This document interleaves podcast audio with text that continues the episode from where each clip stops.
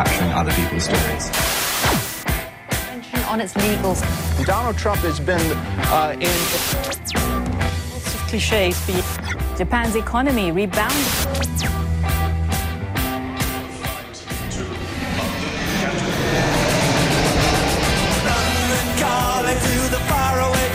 John Carlin, bon dia. Buen día, Roger. Com estàs? Bebe, estaba pensando ahí mientras escuchaba Son Monarquía que quizá le vendría muy bien a la monarquía española, al rey emérito, quizá al rey y la reina, hacerse una entrevista con, con Oprah Winfrey. Doncs mira, seria una gran idea i segur que trauria titulars tan sucosos com, com els que vam veure l'altre dia. Deixa'm, Bueno, deixa, deixa'm que sí. t'ho pregunti directament. La família reial britànica és racista, John? a ver, mira, esto de, de acusar a la gente de racista es tan tan fácil, se hace con tanta frecuencia. O sea, por ejemplo, los, los británicos hace mucho tiempo tienen una idea fija de que, eh, no, no, no diría específicamente los catalanes, pero que los españoles en general son racistas en base a dos o tres cosas. ¿Te acuerdas que mm, Luis Aragonés Mm. se refirió a Thierry Henry cuando jugaba en el Arsenal, creo, como un negro de mierda. ¿Te acuerdas de eso? I crec que també va tenir alguna, al- algun xoc amb Eto'o, al Mallorca. Sí, amb Samuel Sí, Eto'o. bueno, exacto, algún choc- bueno, aunque después de todo ha dicho que, que, que lo adora. O sea, la cuestión siempre es, bueno, siempre, en este caso fue complicada, pero lo que quiero, y, y matizada, pero lo que quiero decir es que es, es muy fácil eh, lanzar el grito racista y tachar a la gente con esto, que el racismo es percibido como lo, lo peor que hay en, en la tierra. Ahora, más, más que, mira, obviamente yo no sé si soy racista, si son racistas o no. Yo diría que, que no son, si son racistas no lo son especialmente. Lo que sí sé, lo que me consta, es que la reina Isabel tenía una relación espectacularmente buena con, con Nelson Mandela y se a- absolutamente adoraban. Em, cuando, o sea, Mandela le llamaba a ella Elizabeth, cosa que, que es, creo que no se le permite a nadie más.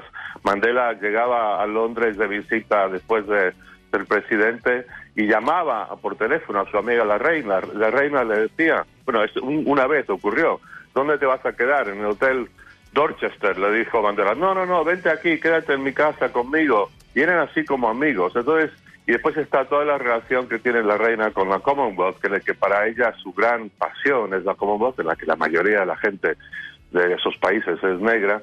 Entonces, la reina Isabel, eh, estoy seguro que no es que no es racista, diría que en general que no, y diría encima que yo creo que Reino Unido, eh, un país que, como sabes, critico muchísimo, eh, es un país bastante menos racista que Estados Unidos, es un país en el que la gente negra y blanca em, coexiste de manera mucho más feliz y tranquila que en, que en Estados Unidos. Ahora, pero el tema es, em, Roger, la- en, en lo que se basa esta acusación de racismo de la de la Meghan Markle y se basa en, en, en nada es es, es es es un escándalo que en base a lo que ella dijo se pueda incluso tener esta conversación que estamos teniendo tú y yo.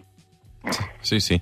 Uh, recuperem, un moment el, el, el fragment, eh? Concerns and conversations about how dark his skin might be when he's born. What? Parla de com de fosca era la seva pell, no, aquí? Sí, sí, sí, sí. Bueno, mira, el tema es, es que es que Meghan habló primero en esta entrevista y después entró Harry, el, el marido, a, a hablar. Y, y Harry matizó algo. Me- Meghan dio la impresión, uno, de que se estaba hablando bastante del tema del color de la piel del, del bebé o del futuro bebé que iba a tener.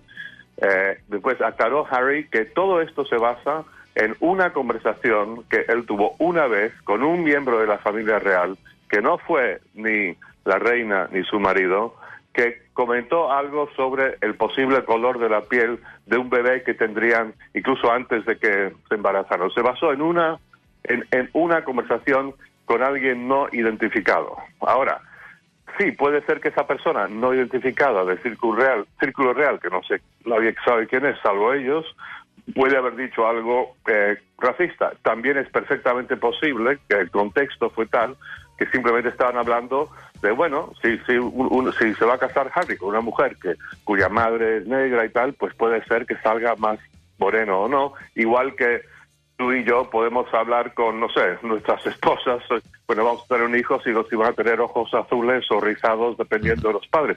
Podría haber sido algo inocente. El hecho es que se basa en algo, no sé, fue una conversación, no se sabe quién fue, en un contexto desconocido, y eso, eso, eso nada más es la base para que tú y yo ahora y en medio mundo se esté eh, hablando sobre si la monarquía real es racista o no. No me parece, la verdad, muy justo. En qualsevol cas, John, la sortida de, de Harry i de Meghan eh, de la família reial i aquest desenllaç que hi ha hagut està recordant una mica, si m'ho permets, a, a, al cas de Diana de Gales, eh?